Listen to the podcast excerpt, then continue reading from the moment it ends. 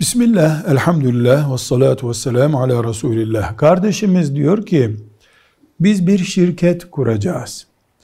Ortaklarımızın hepsinin namazlı, takvalı kimse olması mı gerekiyor? Cevap olarak diyoruz ki, işinizin helal olması büyük şart. Helal bir iş yapın, helal bir şekilde anlaşın. Ortaklardan birisinin fasık olması, veya Müslüman olmayan birisi olması şirketiniz için sakınca oluşturmaz.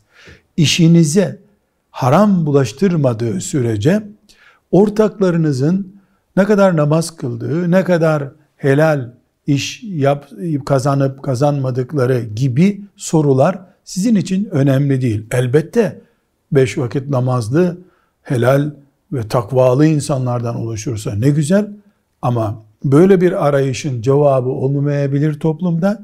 Onun için diyoruz ki iş önemli, işin helal yürütülmesi önemli, ortakların kimlikleri önemli değil. Velhamdülillahi Rabbil Alemin.